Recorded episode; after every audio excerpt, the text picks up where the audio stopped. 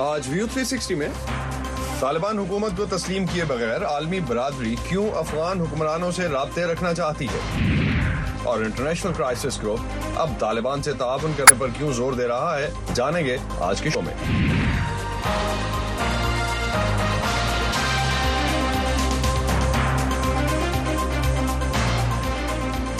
وائس آف امریکہ کے واشنگٹن اسٹوڈیوز میں آپ سب کو خوش آمدید آپ دیکھ رہے ہیں پروگرام ویو تھری سکسٹی اور میں ہوں اللہ خالد افغانستان میں طالبان کے اقتدار کو دو سال سے زیادہ کا عرصہ ہونے کے باوجود کسی بھی ملک نے باقاعدہ طور پر طالبان حکومت کو تسلیم نہیں کیا ہے اس ہفتے اقوام متحدہ کی افغانستان پر دوحہ میں ہونے والی دو روزہ کانفرنس میں طالبان کی عادت نے اپنے مطالبات تسلیم نہ کیے جانے پر شرکت نہیں کی اقوام متحدہ کے سیکرٹری جنرل کے مطابق طالبان کے مطالبات اس نوعیت کے تھے کہ انہیں ماننے کا مطلب طالبان کو افغانستان کا جائز حکمران تسلیم کرنا ہوتا اس کانفرنس سے پہلے اقوام متحدہ کی طرف سے جاری کی گئی ایک تحقیق کے مطابق افغانستان کی تقریباً دو تہائی خواتین کو خوف ہے کہ طالبان کی حکومت کو بین الاقوامی طور پر تسلیم کیے جانے سے حقوق کی خلاف ورزیوں کا بحران شدید تر ہو جائے گا ادھر اس ماہ کے شروع میں دنیا میں قیام امن اور جنگوں کی روک تھام کے لیے کام کرنے والے غیر جانبدار ادارے انٹرنیشنل کرائسس گروپ نے اپنی ایک رپورٹ میں تجویز دی تھی کہ خطے کی معاشی ترقی اور امن کی خاطر افغانستان کے پڑوسی ملک طالبان حکومت کے ساتھ انگیج کرنے کے طریقے ڈھونڈیں اور ان کوششوں میں مغرب رکاوٹ نہ بنے کیا دنیا اور خاص طور سے افغانستان کے پڑوسی ممالک طالبان سے روابط کے لیے آمادہ اور تیار ہیں اور کیوں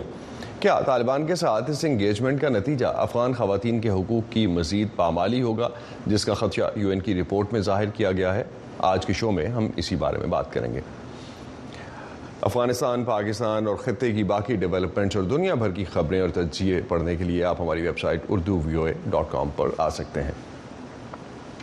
اگرچہ دنیا کے کسی بھی ملک نے باضابطہ طور پر طالبان کی حکومت کو تسلیم نہیں کیا چین سمیت کچھ ممالک کے سفارت خانے اب بھی کابل میں موجود ہیں جبکہ چھ ممالک نے طالبان کے تجویز کردہ افراد کی اپنے ملک کے افغان سفارت خانوں میں تعیناتی بھی کی ہے افغانستان پر طالبان کے قبضے کے بعد بیس سے زیادہ ممالک نے کابل میں اپنے سفارت خانے فعال رکھے یا سفارتی مشن دوبارہ کھولے اور اپنے سابق سفیروں کو یا تو برقرار رکھا یا سفارت خانے کے سربراہ کو چارج ڈی افیئرس کی حیثیت سے مقرر کر دیا جس کے لیے میزبان حکومت کو سفارتی اسناد پیش کرنے کی ضرورت نہیں ہوتی اگست میں طالبان کے قبضے کے بعد ستمبر دو ہزار بائیس میں چین کابل میں اپنا سفیر مقرر کرنے والا پہلا ملک تھا چین کے علاوہ روس پاکستان ملیشیا ترکمانستان ایران اور قطر نے طالبان سفارتکاروں کو اپنے ملکوں میں کام کرنے کی اجازت دے رکھی ہے امریکہ اگرچہ طالبان کو تسلیم نہیں کرتا مگر اس نے مختلف سطحوں پر طالبان سے روابط اور تعلقات رکھے ہیں ان میں امریکہ کے خصوصی ایلچی کا کردار بھی ہے جو کہ گاہے بگاہے طالبان نمائندوں سے ملاقاتیں کر چکے ہیں امریکہ اور مغربی ممالک نے افغان شہریوں کی امداد جاری رکھنے کے لیے اپنے افغان سفارتی مشن قطر منتقل کر دیے اسی طرح اقوام متحدہ اور کچھ غیر سرکاری تنظیمیں افغانستان میں امدادی اداروں کی سہولت کے لیے طالبان سے بات چیت کرتے آ رہے ہیں دوحہ میں ہونے والے دو روزہ اجلاس میں اقوام متحدہ کے رکن ممالک اور خصوصی سفیر اکٹھے ہوئے لیکن طالبان نے شرکت نہیں کی کیونکہ ان کی طرف سے اس کانفرنس میں شرکت کے لیے کچھ مطالبات رکھے گئے تھے جو پورے نہیں ہوئے طالبان کے مطالبات کیا تھے اس بارے میں بات کرتے ہیں وائس آف امریکہ کے نصر الاسلام سے نظر کیا مطالبات تھے طالبان کی طرف سے اس کانفرنس میں شرکت کے لیے جی اصد اس کانفرنس میں طالبان نے اپنے مطالبات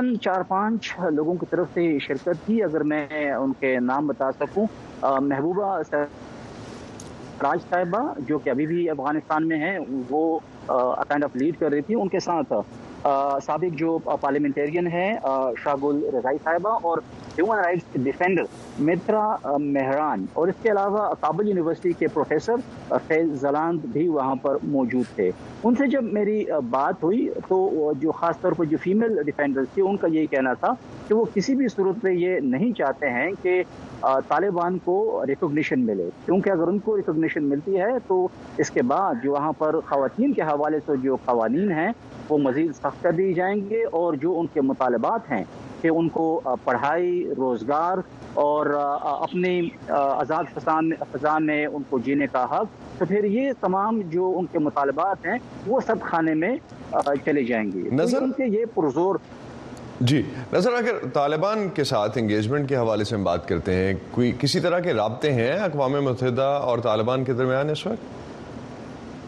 جی اگرچہ طالبان کا کوئی وفد کابل سے تو دوحہ میں نہیں آیا تاہم پریس کانفرنس کے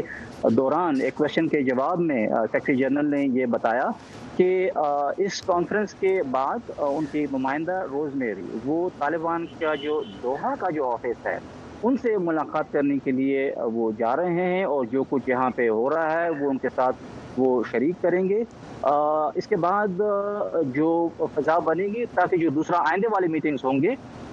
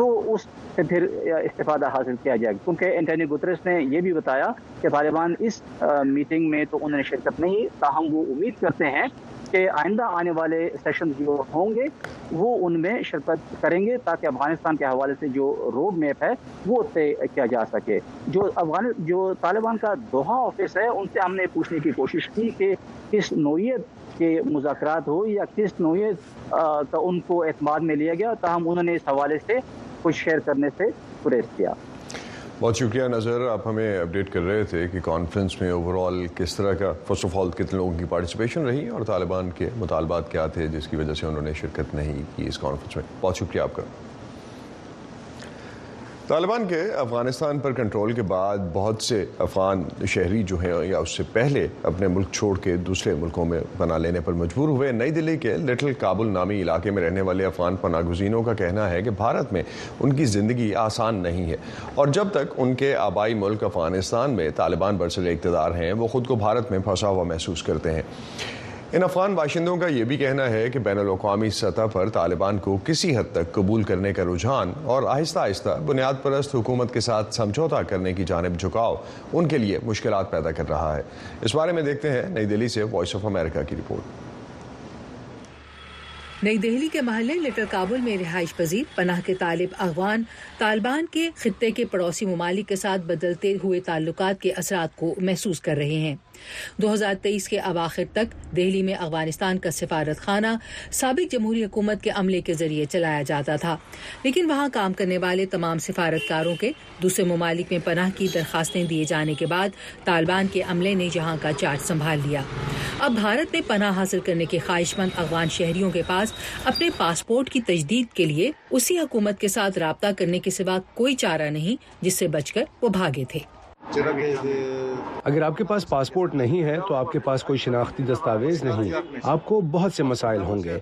اس کے بغیر پولیس آپ کو ملک بدر کر سکتی ہے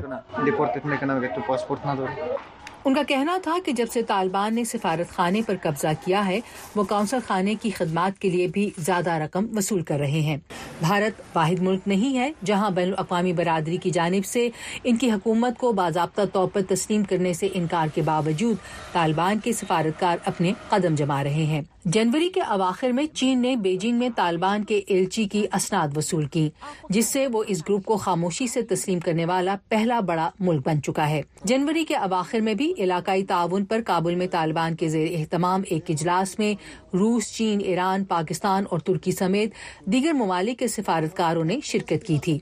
انٹرنیشنل کرائسس گروپ کی ایک نئی رپورٹ میں کہا گیا ہے کہ افغانستان کے حفصایہ ممالک کو طالبان کے ساتھ تعلق رکھنا چاہیے علاقائی ممالک کے پاس روابط نہ رکھنے کی کوئی آپشن نہیں ہے افغانستان میں جو کچھ بھی ہوتا ہے اس کا تجارت اور سلامتی دونوں پر گہرا اثر ہوتا ہے یہ انتہائی ضروری ہے کہ چاہے جتنا بھی مشکل ہو خطہ طالبان کے ساتھ تعاون کرے خطے سباہر خواتین کے حقوق اور انسانی حقوق سے متعلق طالبان کے خوفناک ریکارڈ کی وجہ سے مغربی ممالک نے طالبان پر پابندیاں نافذ کر رکھی ہیں اور افغانستان اب بھی بین الاقوامی بینکنگ سسٹم سے باہر ہے تجزیہ کاروں کے مطابق خطے کے بھارت جیسے جمہوری ممالک کے لیے جس نے دو ہزار اکیس میں طالبان کے اقتدار میں واپس آنے سے پہلے کابل کی اس وقت غیر استعمال شدہ پارلیمنٹ کی عمارت کے لیے فنڈز فراہم کیے تھے طالبان کے ساتھ تعلقات بنانا ناخوشگوار ہے لیکن اس میں کئی فائدے بھی ہیں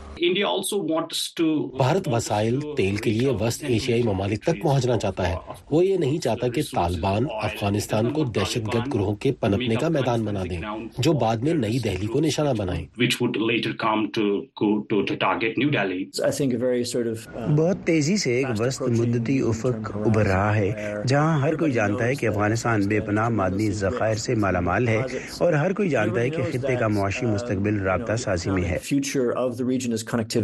نئی دہلی میں زندگی مشکل ہونے کے باوجود لٹل کابل کے کچھ رہائشیوں کے لیے افغانستان کے ساتھ دوبارہ تعلق قائم کرنے کا خیال ناقابل تصور ہے احمد پرویز افغانستان سے فرار ہونے سے قبل اسپورٹس کوچ کے طور پر کام کرتے تھے ہم سب کو مسائل ہیں کیونکہ ہمارے پاس نوکریاں نہیں ہیں ہمارے پاس کھانے گھر کرائے کے لیے پیسے نہیں ہیں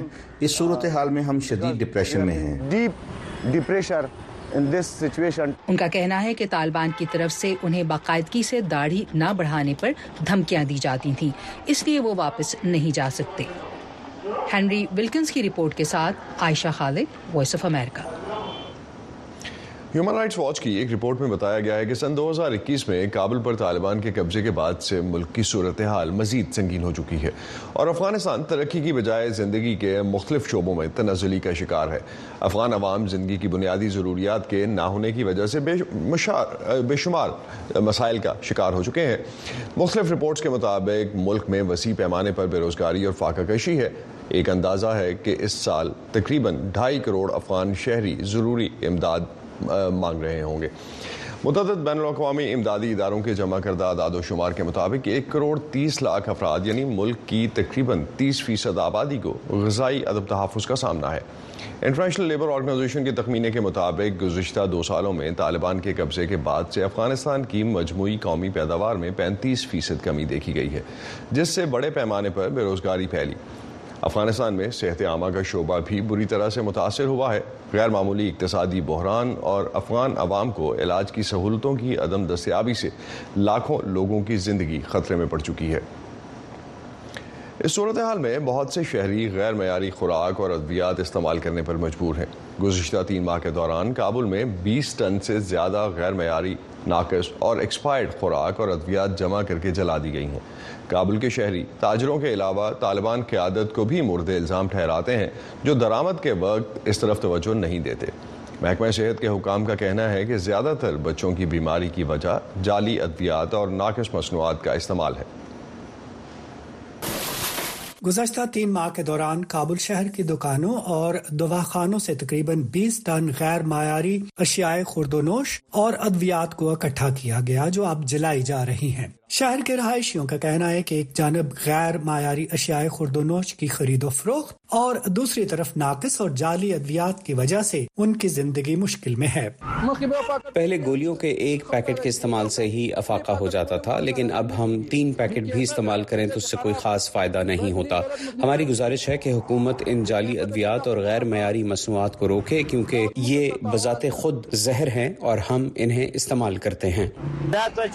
تاجر پیسہ کمانے کے لیے ایسا کرتے ہیں جس سے ہمیں نقصان ہوتا ہے لیکن حکومت کو اسے روکنا چاہیے یہ ہمارے ساتھ ظلم ہے افغانستان میں اگرچہ خوراک پر کنٹرول کا معاملہ زیادہ تر مقامی اداروں کی ذمہ داری ہے تاہم خوراک اور ادویات کی نگرانی کے قومی محکمے کے حکام کا کہنا ہے کہ اس مسئلے کو حل کرنے کے لیے انہوں نے نئے لوگوں کی خدمات حاصل کرنے کے ساتھ ساتھ فوڈ کنٹرول کے لیے ایک نائب عہدیدار مقرر کرنے کی تجویز دی ہے بیشتر از ہم نے فوڈ سیفٹی کے لیے دو سو پچاس سے تین سو نئے لوگوں کی خدمات حاصل کی ہیں اس کے لیے ایک فعال محکمہ قائم کرنے کے لیے اعلیٰ حکام کو سفارشات بھی بھیجی ہیں اور ہمیں امید ہے کہ ان پر جلد عمل درآمد کر لیا جائے گا دوسری جانب بعض ڈاکٹروں کا کہنا ہے کہ بچوں کی زیادہ تر بیماریوں کی وجہ غیر معیاری ادویات کا استعمال ہے ان کے مطابق ناقص اور غیر صحت مند خوراک سے بچوں کی نشو نما پر برا اثر پڑتا ہے میرے پاس جعلی ادویات اور غیر معیاری خوراک کی اشیاء کی وجہ سے بیمار بچے زیادہ آتے ہیں جس کی وجہ سے ان کی بیماری کے خلاف مزاحمت کم ہو گئی ہے اس لیے ان مصنوعات کے استعمال سے بچوں کی نشو نما پر منفی اثرات مرتب ہوئے ہیں خطے کے بعض ممالک کے کارخانوں میں تیار ہونے والی غیر معیاری ادویات اور کھانے پینے کی اشیاء زیادہ تر افغانستان درامد کی جاتی ہیں شہریوں کا کہنا ہے کہ اس کاروبار میں تاجروں کے علاوہ اعلیٰ سرکاری افسران کا بھی ایک بڑا کردار ہے اور یہی وجہ ہے کہ اس کی روک تھام میں مشکلات کا سامنا ہے شمسرین کے ساتھ ندیم یعقوب وائس آف امریکہ اقوام متحدہ نے کہا ہے کہ جب تک طالبان خواتین کی تعلیم اور ملازمت پر سے پابندیاں نہیں اٹھاتے ان کی حکومت کو تسلیم کرنا تقریباً ناممکن ہے دوحہ میں دو روزہ اجلاس میں اقوام متحدہ کے رکن ممالک اور سفارتکاروں نے افغان صورتحال پر تبادلہ خیال کیا لیکن طالبان نے اس کانفرنس میں شرکت نہیں کی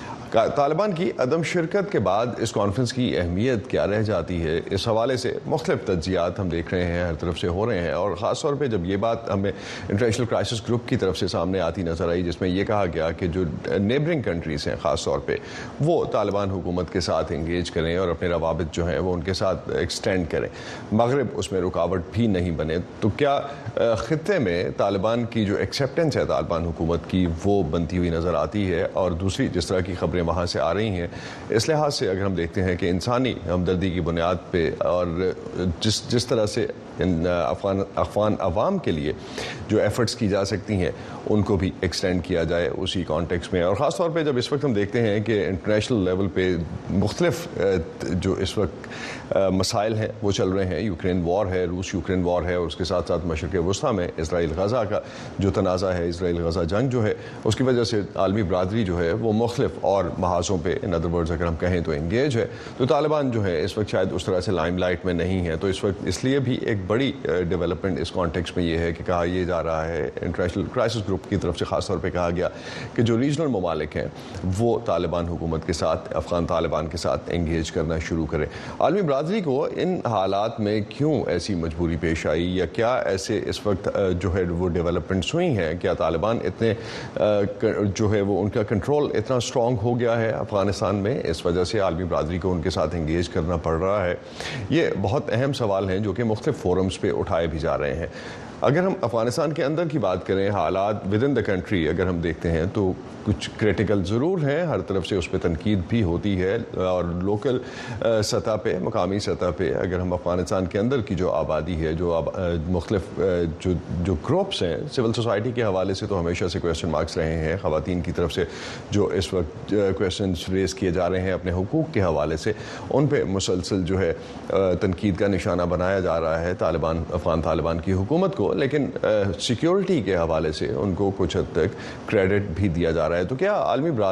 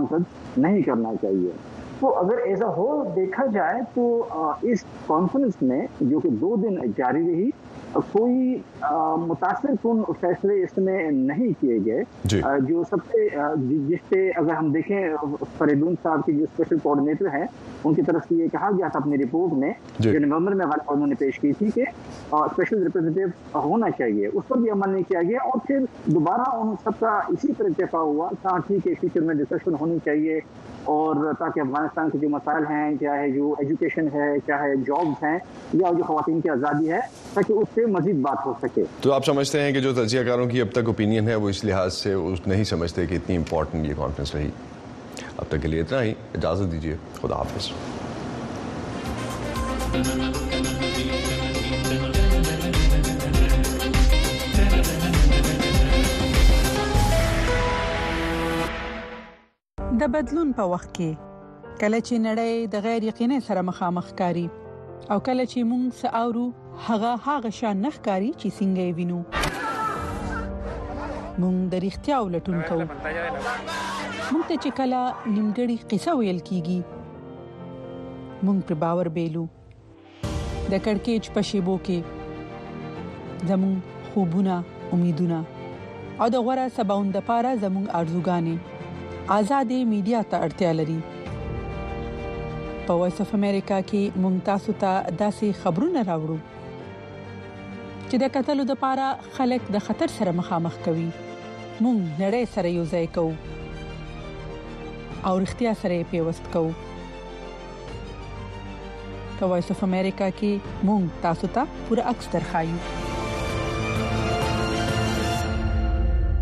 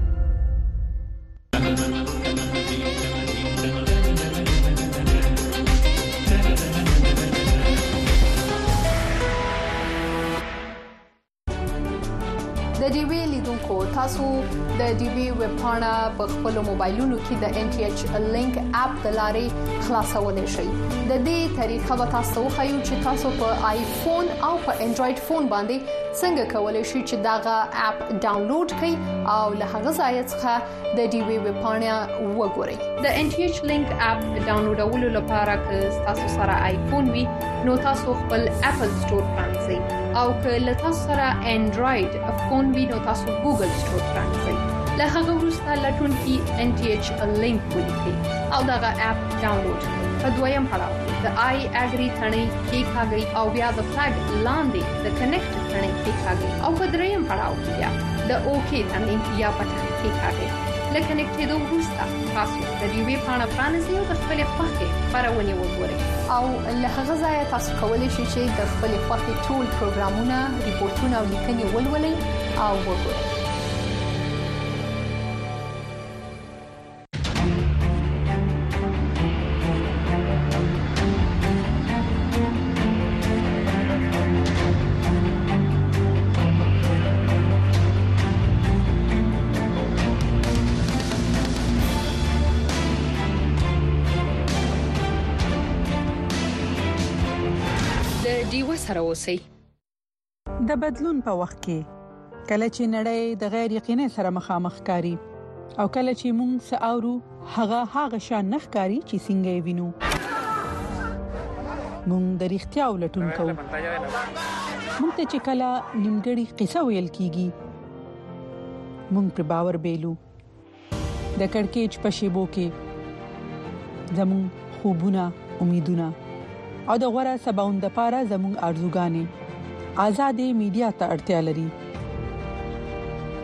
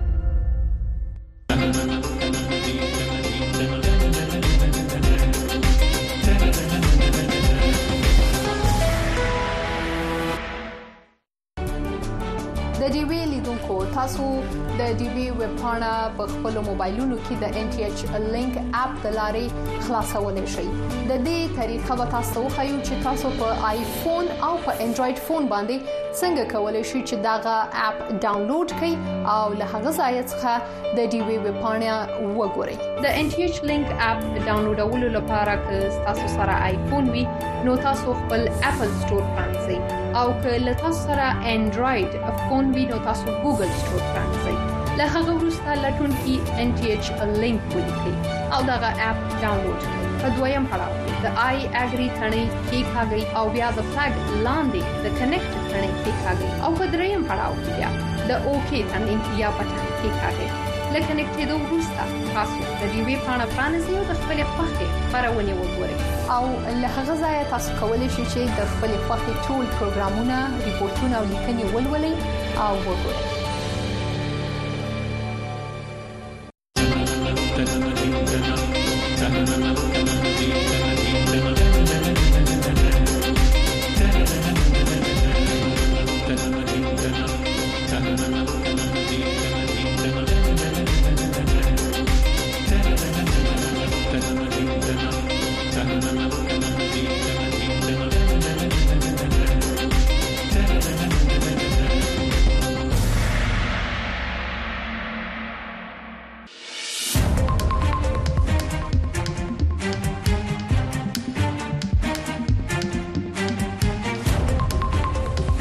د مهمو خبرونو سرټکی اوري د افغانستان پر راتلونکو کې د طالبانو ونډه د امریکا د بهرنیو چارو وزارت وی طالبان یوازنی افغانان نه دي چې د افغانستان پر راتلونکو کې ونډه لري په ورته وخت کې د ملګرو ملتونو عمومي منشي ویلي چې د افغانستان د خزو انجونو پر کار او زده کړو ظالمانه بندیز باید لري شي د امریکا لخوا په غزه کې د اوربن ردیدل متحده ایالاتونو یو ځل بیا د عربو په ملاتړ د ملګرو ملتونو د امنیت شورا هغه پریکړه لیک ویټو یا رد کو چې په غزه کې د عاجل اوربند غوښتنه کوله او د مورنۍ ژبې نړیواله ورځ د نړۍ د نورو سیمو په څیر په پښتونخوا کې هم نن د مورنۍ ژبو نړیواله ورځ ولمانځل شو په پښتونخوا کې تر ډیره او سوچه پښتو نه د پاتې شوی د دې ژبې ویونکي یو لوی لامل په ښوونځیو کې د پښتو ژبې نشټون یادوي سلامونه او ستړي مشي نن چهارشنبه د کب دویمه او د فبرवरी د میاشتې 28مه نیټه ده په نننۍ خبرونه کې د خبرونو سربیره لکم چې واوریدل د مورنۍ ژبې په ارزښت او اهمیت هم غږیږو هیله ده چې خبرونه در سره وګورئ او واورئ او یادونه دا کوم چې په غزه کې د امریکا له خوا د عاجل اوربند د نه کولو په اړه پوره تفصیل د خپل همکار سمیع الله جلالزی نه اورو او د مورنۍ ژبې په اهمیت او ارزښت به د لیکوال او څېړونکي عبدالغفور لیوال نظر واورو چې په سکایپ به موږ سره لږه شیبه وروسته په خبرونه کې مل اوسي تاسو ته ستړي مشئ موږ سره اوسئ متحده ایالاتونو یو ځل بیا د عربو په ملاتړ د ملګرو ملتونو د امنیت شورا د هغه پریکړه لیک طرحه ویټو یا رد کړه چې په غزه کې د بیړني اوربند غوښتنه کوله خو دا ځلې واشنگټن خپل طرحه وړاندې کړې ده چې د لنډمهاله اوربند او په رفح ښار کې د ملکی خلکو د خوندیتوب پرته د اسرائیل د ځمکنیو عملیاتو مخالفت کوي د دې خبر جزئیات د سمیع الله جلال زین اخلو چې د کانګرس د معنی د مخې نه خبرونه کې را سره ده جلال زی صاحب د امریکا د دې اقدام په وړاندې خبرګونونه څه دي په مجموع کې او په غزه کې د جګړې د وروستي حال په اړه لږ څه معلومات هم شریک کړئ مهرباني آشنا صاحب سلام تاسو او قدرمنو لیدونکو ته متحده ایالاتونو د سه شنبه په ورځ په نیویارک کې د ملګرو ملتونو د امنیت شورا په غونډه کې دغه پریکړه لیک چې د عربو ملاتړ ورسره او د الجزایر رخوا وړاندې شوی وو ویتو کړ متحد ایالتونو دغه دغه پریکړه لیک ویتو کړی او ویل کیږي چې متحد ایالات غواړي خپل پریکړه لیک وړاندې کړي ډیپلوماټانو ویلي دي چې تر اوسه دغه پریکړه لیک چې د امریکا لخوا وړاندې کیږي په رسمي ډول نه دی وړاندې شوی اما دغه پریکړه لیک امریکا غږ ته هم رسیدلی او په پریکړه لیک ویل شوی دی چې امریکا د ټولو برمته شویو د ازادېدو په بدل کې د لنډمهاله اوربند او همدارنګه د اسرایل له عملیاتو څخه د فلسطینیانو د حفاظت لپاره په یو پلان ټینګار کړی دی که دغه بحثونه په داسې حال کې کیږي چې د په ملګرو ملتونو کې د فلسطین استاذي ویلي دي چې د امریکا په دې ویتو سره به اسرایل ته د موقع په لاس ورشي چې د فلسطینیانو وجلو ته دوام ورکړي هغه ویلي چې په دې کار سره به ډیر ماشومان مړه او یتیمان شي او ګڼ شمېر ماشومان به د سړې هوا، د لوږې او د بې ځای کېدو لامل ژوند له لاسه ورکړي. روسیې او چین هم خبرګونونه خودلي تقریبا د دواړو خبرګون یو شی دی دواړو ویلي دي چې په دې کار سره به په فلسطین کې وژنې دوام ولري روسیې ویلي دي چې امریکا په منځني ختیځ کې سوله نه غواړي بلکې غواړي چې د خپل نږدې متحد ملاتړ وکړي دغه بحثونه په داسې حال کې کیږي چې بیګاش په پر غزې د اسرایل په بریدونو کې نه شپېته کسان وژل شوي دي او ګڼ شمیر نور ټپيان دي د غزې روغتي چارواکي وایي چې د پر غزې د اسرایل د عملیاتو له پیل څخه تر اوسه پورې څه باندې نه وی زره کسان وژل شوي دي روغتي چارواکي دا هم وایي چې د هر شپږو ماشومان څخه په غزه کې یو ماشوم له شدیدي خوارځواکۍ سره مخ دی اسراییل د غزې د سهیلي رفح ښار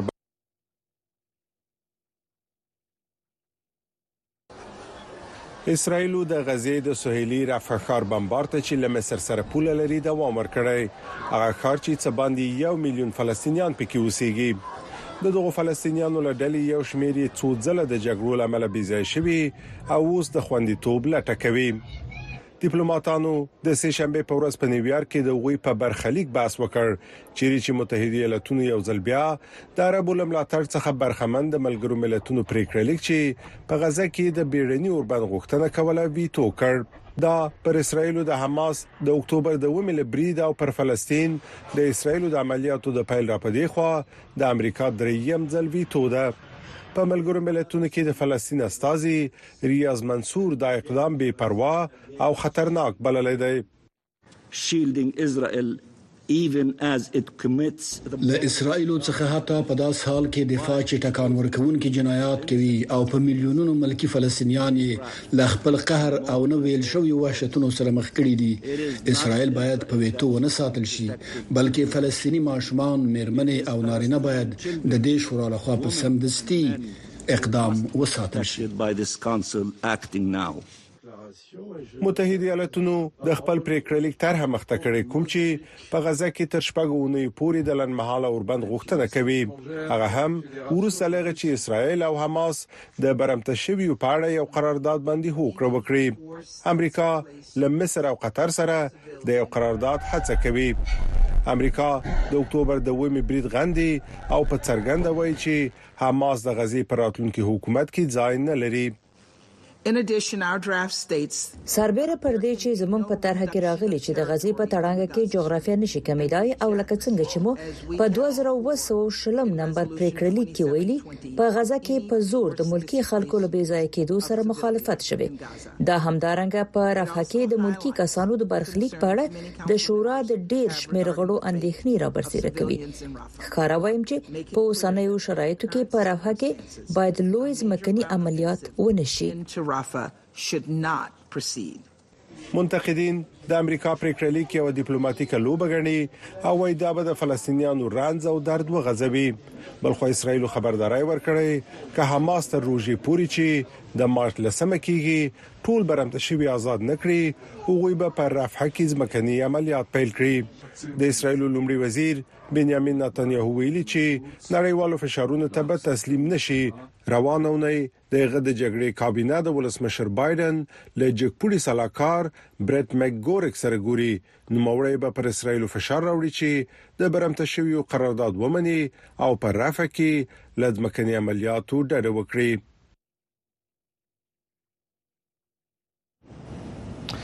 او په متحده ایالاتو کې څارنوالان وایي د امریکا د فدرال پولیسو یا اف بی آی یو پخوانی مخبر د میلیونونو ډالرو فساد د جعلي قضیه په جوړولو کې ښکیل بلل دی په دې قضیه کې د امریکا جمهور رئیس جو بایدن د غزوی هنټر بایدن او د اوکراین د انرژي یو شرکت دخیلیات شوی چې ویل کېږي دغه چارواکو سره په تماس کې و چې د روسیې د استخباراتو سره همکاري لري څارنوالانو د محکمې په یوه عریضه کې د یو قاضي نه غوښتي چې الکساندر سمیرنوف وساتي. سمیرنوف د اف بي آی پخوانی مخبر دی چې اوس بندي او د محاکمې منتظر دی. په هغه تور دی چې په دوه زره او شل میلادي کال جون میاشت کې د اف بي آی ادارې ته داسې غلط راپورونه ورکول چې ګوندې د امریکا د حکومت اجرایي مشران د برسیما په نوم د اوکراین د انرژۍ یو شرکت سره په همکارۍ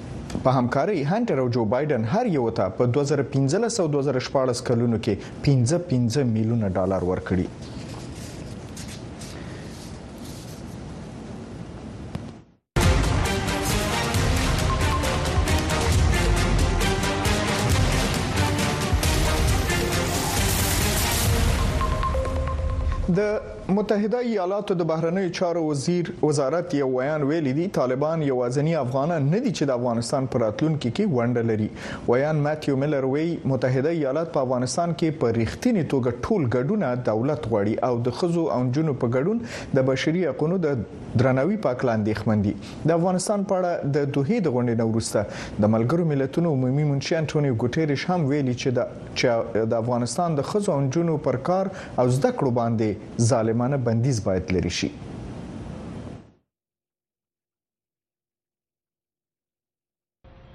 د امریکا د بهرنیو چارو وزارت ویان متیو میلر وایي متحد ایالات د میرمنو او نجونو په ګډون د ټولو افغانانو ملاتړ کوي چې د خپل هیواد پر راتلونکو کې نقش ولري او طالبان یوازنی افغانان نه دي چې د افغانستان پر راتلونکو کې ونډه لري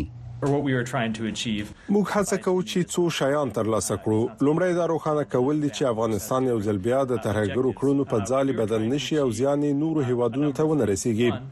دویم، د افغانستان لپاره داسې راتلونکی غواړو چې بېلابېلې ډلې پکې په ادارو کې خپله ونډه ولري. متحده ایالات په افغانستان کې په رښتینې توګه ټولشموله دولت غواړي او درېیم دا چې د بشري حقونو په ځانګړې توګه د مېرمنو او نجونو د حقونو درناوي په اړه اندېښنه لرو. د امریکا د بهرنیو چارو وزارت ویاند متو میلر وايي، د قطر په پلازمېن دوحې کې د ملګرو ملتونو له خوا په رابلل شوې غونډه کې د طالبانو په ګډون نه کولو نه دی حیران شوی. طالبان د دوحې په غونډه کې د ګډون لپاره شرطونه وړاندې کړي وو، خو د ملګرو ملتونو له خوا ونه منل شول. په ورته وخت کې د ملګرو ملتونو عمومي منشي انتونیو ګوتریش ویلي، چې د افغانستان د ښځو او نجونو پر کار او زده کړو باندې ظالمانه بندیز باید لرې شي. په دوحې کې د افغانستان په اړه تر غونډې وروسته ګوتېرېش ویلي، د ژوند په هره برخه کې د ښوونځیو له څوکیو څخه نیولې د تصمیم نیولې تر څوکیو پورې ښځې او نجونې باید بشپړ او معنی لرونکی مشارکت ولري. First. لومړی دا چې افغانستان باید د ترهګریزو فعالیتونو په ځاله بدل نه شي چې په نورو هېوادونو اغېز وکړي. دویم دا چې افغانستان ټولګډونه حکومت ولري چې بېلابېلې ډلې پکې وي. ازبک، تاجک، پښتانه، هزاره په یو داسې حکومت کې د استازیتوب احساس وکړي چې په ریښتینې توګه ټول ګډونه وي. دریم د بشري حقوقو په ځانګړي توګه د میرمنو او نجونو حقوقو ته د درناوي په برخه کې اندېښنه شته. مونږ فکر کوو دا ډیره مهمه ده هغه پریکړې باید بیرته واخیستل شي چې له شپږم ټولګي پورته د لیسو او میرمنو چې په ګڼو مسلکونو کې په اغېزمنه توګه کار کوي، مخه یې نیول شوې ده. د ملګرو ملتونو د بشري حقونو شورا کارپوهانو په یوه خبرپاڼه کې په افغانستان کې د ښځو او نجونو وضعیت او په نړۍ کې د ښځو پر وړاندې مخ په زیاتېدونکي ډول ګواښون ته په کتنې ویلي چې دغه وضعیت د دې غوښتنه کوي چې د جنسیت پر بنسټ تبعیض د بشریت پر ضد د جرم په توګه وپېژندل شي. دغو کارپوهانو خبرداری ورکړ چې په افغانستان کې د ښځو او نجونو د حقوندو محدودولو لپاره د طالبان د حکومت فرمانونه، پالیسۍ او کړنلارې چې د بنسټیز شوي سیستم لمخې تر سره کیږي، تبعیض، ظلم او پر ښځو او نجونو باندې د کنټرول ترلاسه کولو لپاره د جنسیت پر بنسټ تبعیض ګڼل کیدای شي. خو طالبان تل وایي چې میرمن ته یې د شریعت په چوکاټ کې حقونه ورکړي دي. وحید فیضي، د امریکا غږ. بلخوا پاکستانی پولیسو په پا چمن کې په پرلت کونکو ډزې کړې دي او یو شمېر کسان یې نیولې دي پرلت کونکي په چمن کې د پاسپورت دفتر مخې ته راټول شوی او لار یې بند کړې و چې د پولیسو د خوانه پر یو کې بهونکو غاز وکارول شو څه باندې څلور میاشتې کېږي چې زورګونو خلکو په چمن کې د پاکستانی حکومت دغه پریکړې په ضد اعتراض کړي چې د ډیورن په کرخه پاسپورت او ویزه لرل حتمی ګڼي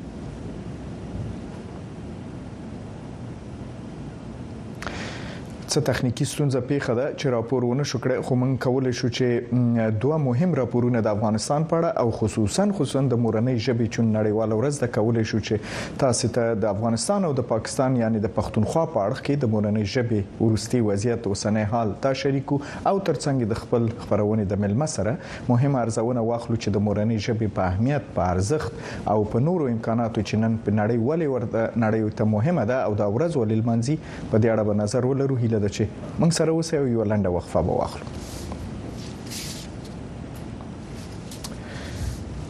په صورت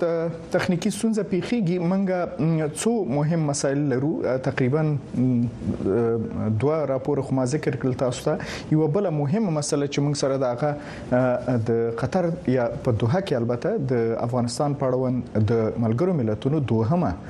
مهمه غونډه و چې په دې اړه باندې مختلف عکس العملونه یا خبرګونونه خبره شوې دي د امریکا خارجه وزارت یو دلیل وړاندې کړی دی په خپل چیرون کې بل نظر وړاندې کوي خو په اکثر اکثریت نظرونو کې دا مطرح دي چې طالبانو باید د دوه په غونډه کې ګډون کړي وي دا ورته ډیر مهم درنو لیدونکو پویګم تخنیکی ستونزه پیښه و خو راځو منګه د پا پاکستانی پولیسو د خوانه په چمن کې د پرلت کوونکو په مقابل کې د تشدد هغه ورستي حالات چې په شوې دي راپور به تاسو سره شریک کوم څلور میاشتې او لس ورځې کیږي چې په چمن کې د پاکستان د هغې پریکړې پر خلاف دا پرلت روان دی چې د ډیورنډ پر کرښه د پاسپورت او ویزې په لرلو ټینګار کوي لاریون کوونکو تیر ورځ په دغه ښار کې د پاسپورت دفتر مخې ته کانټینر راوړ او لار یې بند کړه چې د سیمې پولیسو په خبرګون کې لوخ کې بهون کې غاز کار واخیست او یو شمیر کسان یې ونیول د بارډر د پاسپورت نه منو سره تاسو راته غواړو څلور میاشت لږ شپې کې که څو په کان کې د وړو سکه لیدلې ده د حالات مجبورې په خدای کنه کور ته وړستانه وړسته د پاسپورت مونږ نن د مجبورې ګرځ راوتلې په چمن ښار کې د پاسپورت او ویزې پر ضد پر لټوالو د خپل ملګرو تر نیولو وروسته دغه ښار په بشپړه توګه وتاړه او د کوټې او چمن ترمنځ لارې بند کړه د چارواکو په یو خبرپاڼه کې ویلي چې د پرلتوالو له مشرانو سره تر مذاکراتو وروسته پولیسو نیول شوي پرلتوال خوشي کړي. موږ در په درې څلور میاشتې له شپې کېږي چې دروازه بنده ده د ماښام وچ وړه نه څه ورور پنځه زره د یوه څه پورکه لا زره د بله څه پورکه اوس اخر وایي دې ته درولي کوچنیان ته ولا د شیدو پر ځای اوبه ورکوو په پا پاکستان کې تر پښتنو لاندې پارلماني ټاکنو دوه اونۍ وروسته دوه ګوندونو د داسې یو حکومت په جوړولو موافقه کړې چې واک به د څو ګوندونو ترمنځ ویشل کیږي ویل کیږي چې د دې موافقې له مخې به مخکنی لومړی وزیر شهباز شریف یو ځل بیا د لومړي وزیر او د پخوانی لومړي وزیر بنظیر بوټو خاوند آصف علي زرداری به د ولسمشرۍ مقام ته ونومول شي پاکستان پیپلز پارټي او مسلم لیګ نواز. اوس به د پاکستان پیپلز پارټۍ او مسلم لیګ نواز ګډ حکومت جوړوي. مونږ هیله من یو چې شهباز شریف به ډیر ژر یو ځل بیا د ملک لومړی وزیر شي نو مونږ او ټول ملت دعا کوو چې دا حکومت دې د الله کامیاب کړي تر څو خپلې ټولې کورنۍ او بهرنۍ مسئلې او د هر پاکستاني اقتصادي مشکلات حل کړو. په همدې حال کې د پاکستان تحریک انصاف ګوند له خپلو پلویانو غوښتي چې په ټول هیواد کې لاریون وکړي. احسان لاریوزی، امریکا غږ، واشنګټن. په پاکستان کې تم کیږو د نړۍ د نورو سیمو په څیر په پښتونخوا کې هم نن د مورنۍ ژبو نړیواله ورځ لمانځل شوې ده الته چې تر ډیره اوس سوچه پښتو نه ده پاتې شوې د دې ژبې ویونکي لوی لامل په خوندزیو کې د پښتو ژبې نشټون یادي پښتو په پا پاکستان کې تر پنجابي ژبې وروسته دویمه لوی ژبه ده او سره د دې نه چې په لوی خارونو کې تر ډیره د مارکیټ یا د بازار ژبه هم ده خو په دولتي کچه ورته لا هم پاملرنه نه کېږي. خدای نور ناصر یې پوره راپور لري.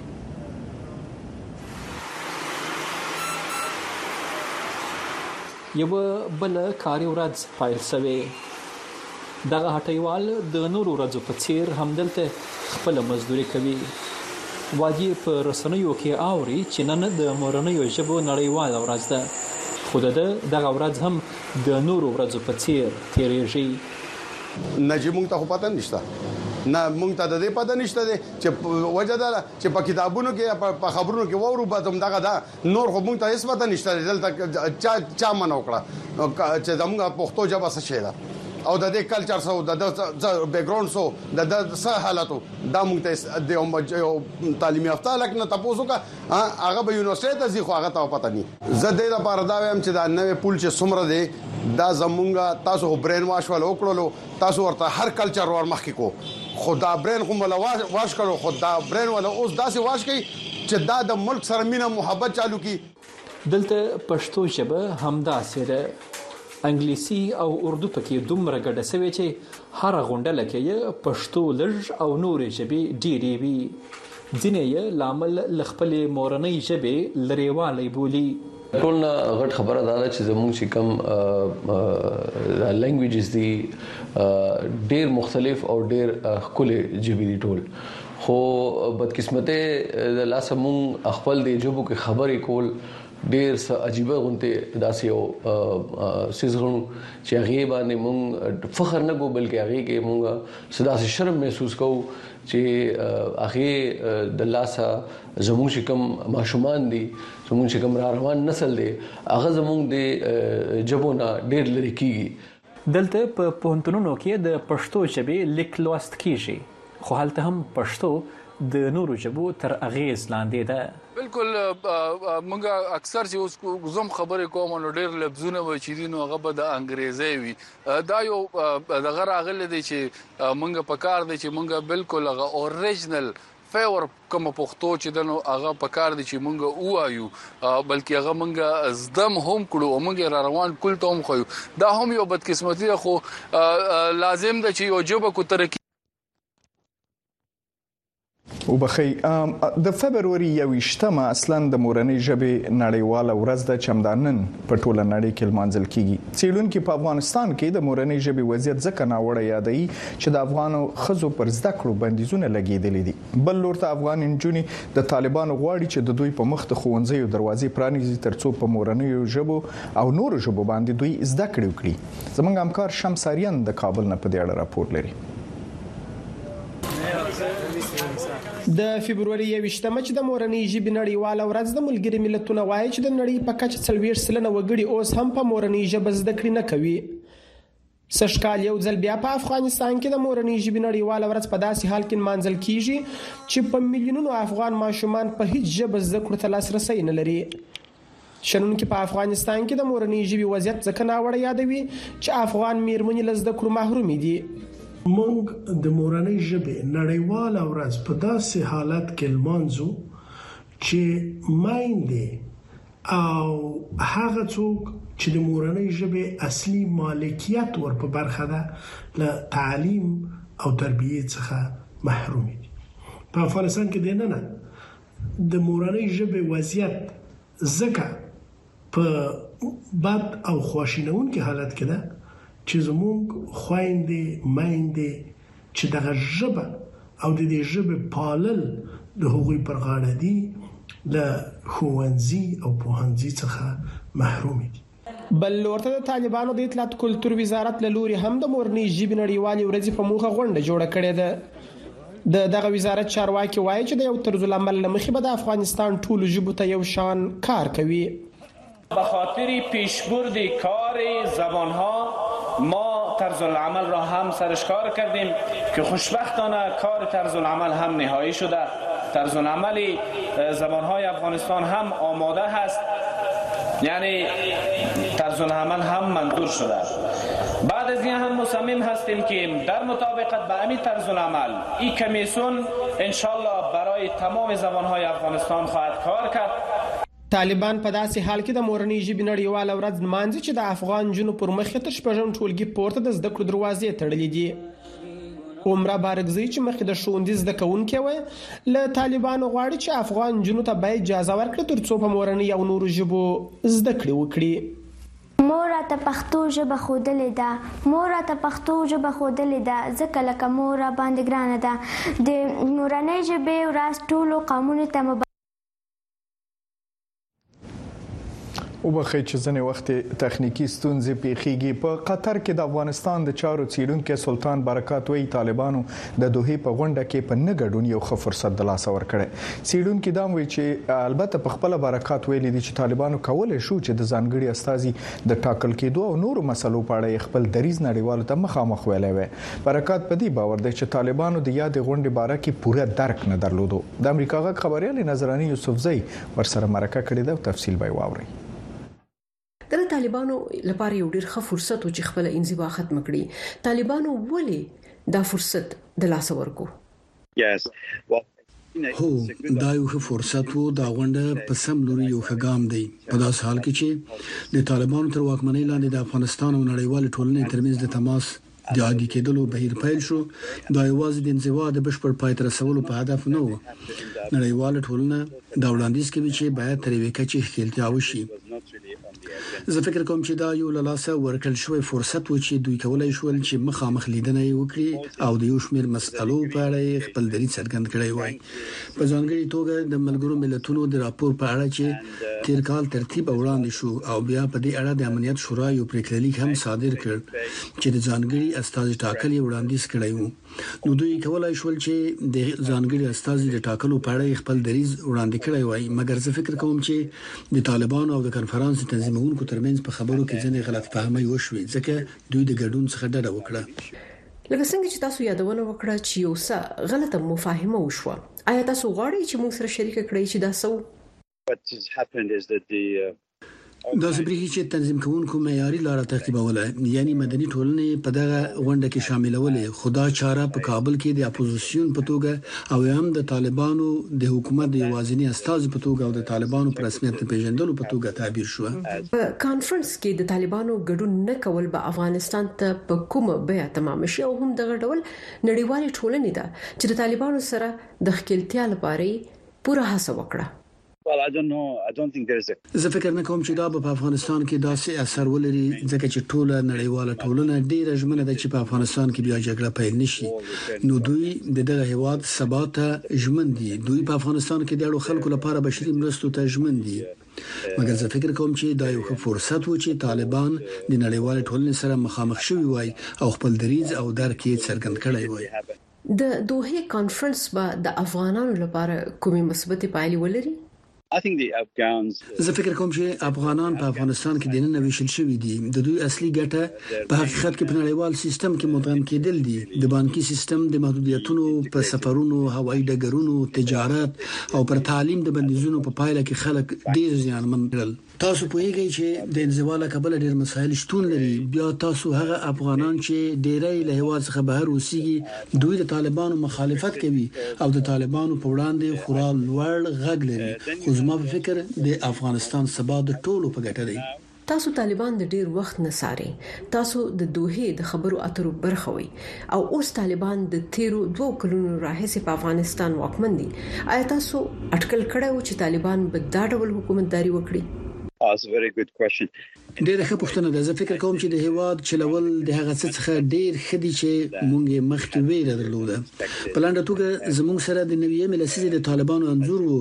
او دا هغه څه وو چې موږ یې ویره درلوده خو د حیرانتیا خبره دا ده چې دوی د هغو ورځو په پرتله ډیر ښه شوي دي خو دومره ښه شوي هم نه دي، د پرمختګ لپاره یا ټول شمولیت لپاره اړتیا لري چې شاید د وخت او تجربې سره رامنځته شي، خو په لومړیو دوه نیمو کلونو کې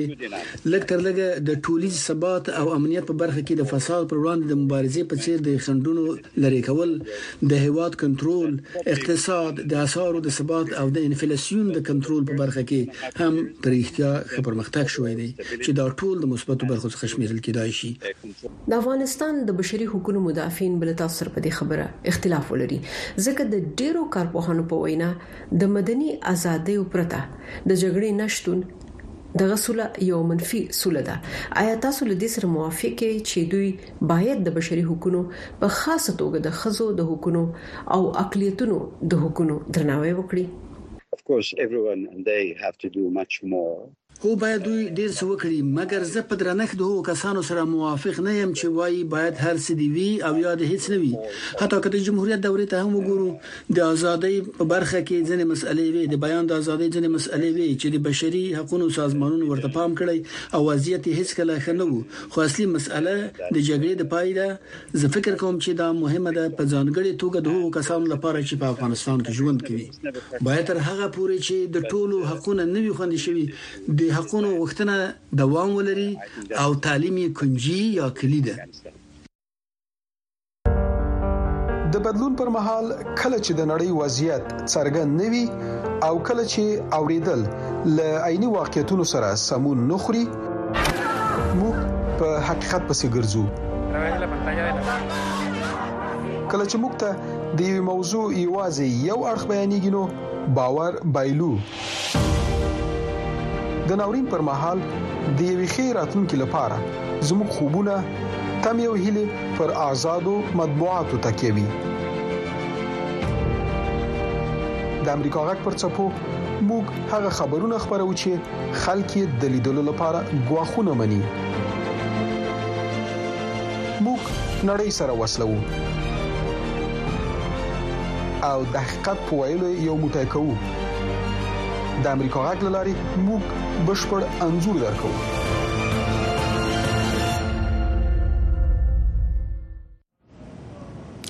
تاسو کولای شئ چې نه یوازې د امریکا غږ د ټلویزیون لکه د آشنا ټلویزیون یا اتصال خبرونه یا نوري خبرونه وګورئ واورئ او دوستانو سره شریک کړئ بلکې کولای شئ د امریکا غږ آشنا رادیو ته هم غوږ شئ چې د افغانستان په اړه مهم خبرونه لري راپورونه لري ترڅنګ د افغانستان پر روانو چارو باندې د سپینې خبرې یا رکراس خبرونه نیم ساعت وروسته پیلېږي او مهم بحث لري او مهم ملمانه پکې غوښتل کیږي چې ستاسو ځنې پښتني او نظریات هم پکې شاید شامل وسی او تاسو کولای شئ چې د فیسبوک په پاڼه د امریکا غږ په فیسبوک پاڼه په پښتو او دری پاڼو باندې مطرح او پښتنو ته یا امغه موضوع اړوند خپل نظریات او پښتنې پکې شریک کړئ نو د پښتو نن خپرونه به پام دې سره منګه پای ته ورسو زما د دری خبرونه پیلیږي او همکار راغله د سحر عظیمی په استودیو کې ده جزئیات به شریکی سحر جان استړی مشي په خیر راځي مننه آقای آشنا سلام به شما دوستای بیننده در نیم ساعت آینده موضوع ویژه ما موضوع واکنش کارشناسان ملل متحد در رابطه با آپارتاید جنسیتی در افغانستان هست موضوعات دیگری هم در خلال برنامه داریم امیدواریم که با ما باشید و ما را دنبال کنید